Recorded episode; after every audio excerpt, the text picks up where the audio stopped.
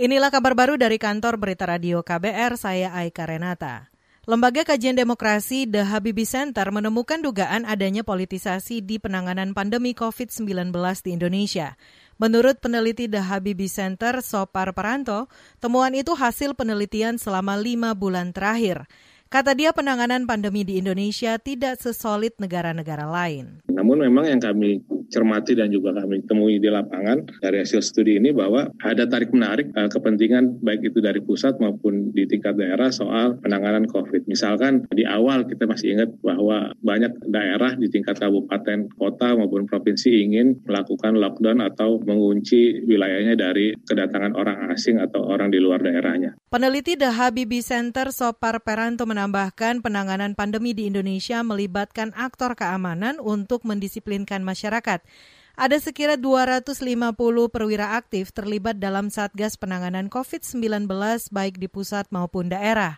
Fenomena ini menunjukkan pemerintah masih sangat bergantung pada politik jejaring keamanan. Jika tidak diawasi, hal ini bisa meninggalkan jejak keterlibatan militer di lini-lini sosial lain. Kita beralih, Direktur Utama Badan Penyelenggara Jaminan Sosial BPJS Kesehatan Ali Gufron Mukti berjanji meningkatkan kualitas layanan BPJS Kesehatan. Hal itu ia sampaikan usai dilantik Presiden Jokowi di Istana Negara hari ini. Dan kami juga ingin meningkatkan dan fokus kepada kualitas layanan, sehingga kualitas akan meningkat keseluruhan dari customer journey akan kita tingkatkan dengan inovasi teknologi, interface sistem informasi sehingga antrian tidak lagi sekitar 6 jam tapi bisa lebih cepat. Direktur Utama BPJS Kesehatan Ali Gufron Mukti juga berjanji akan meningkatkan kepesertaan BPJS Kesehatan. Ia ingin semua pihak terlibat dan merasa memiliki BPJS Kesehatan. Satu informasi lain, Saudara Pengadilan Negeri Praya Lombok Tengah NTB mengabulkan permohonan penangguhan penahanan empat ibu yang ditahan bersama balitanya. Mereka ditahan lantaran tersandung kasus pelemparan batu ke pabrik rokok di Kecamatan Kopang.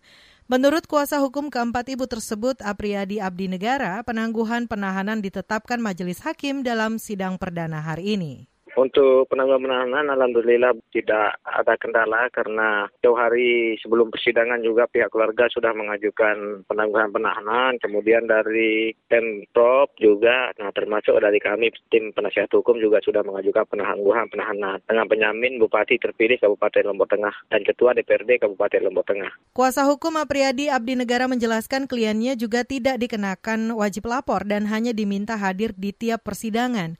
Dalam sidang berikutnya, tim kuasa hukum akan mengajukan eksepsi atau pembelaan.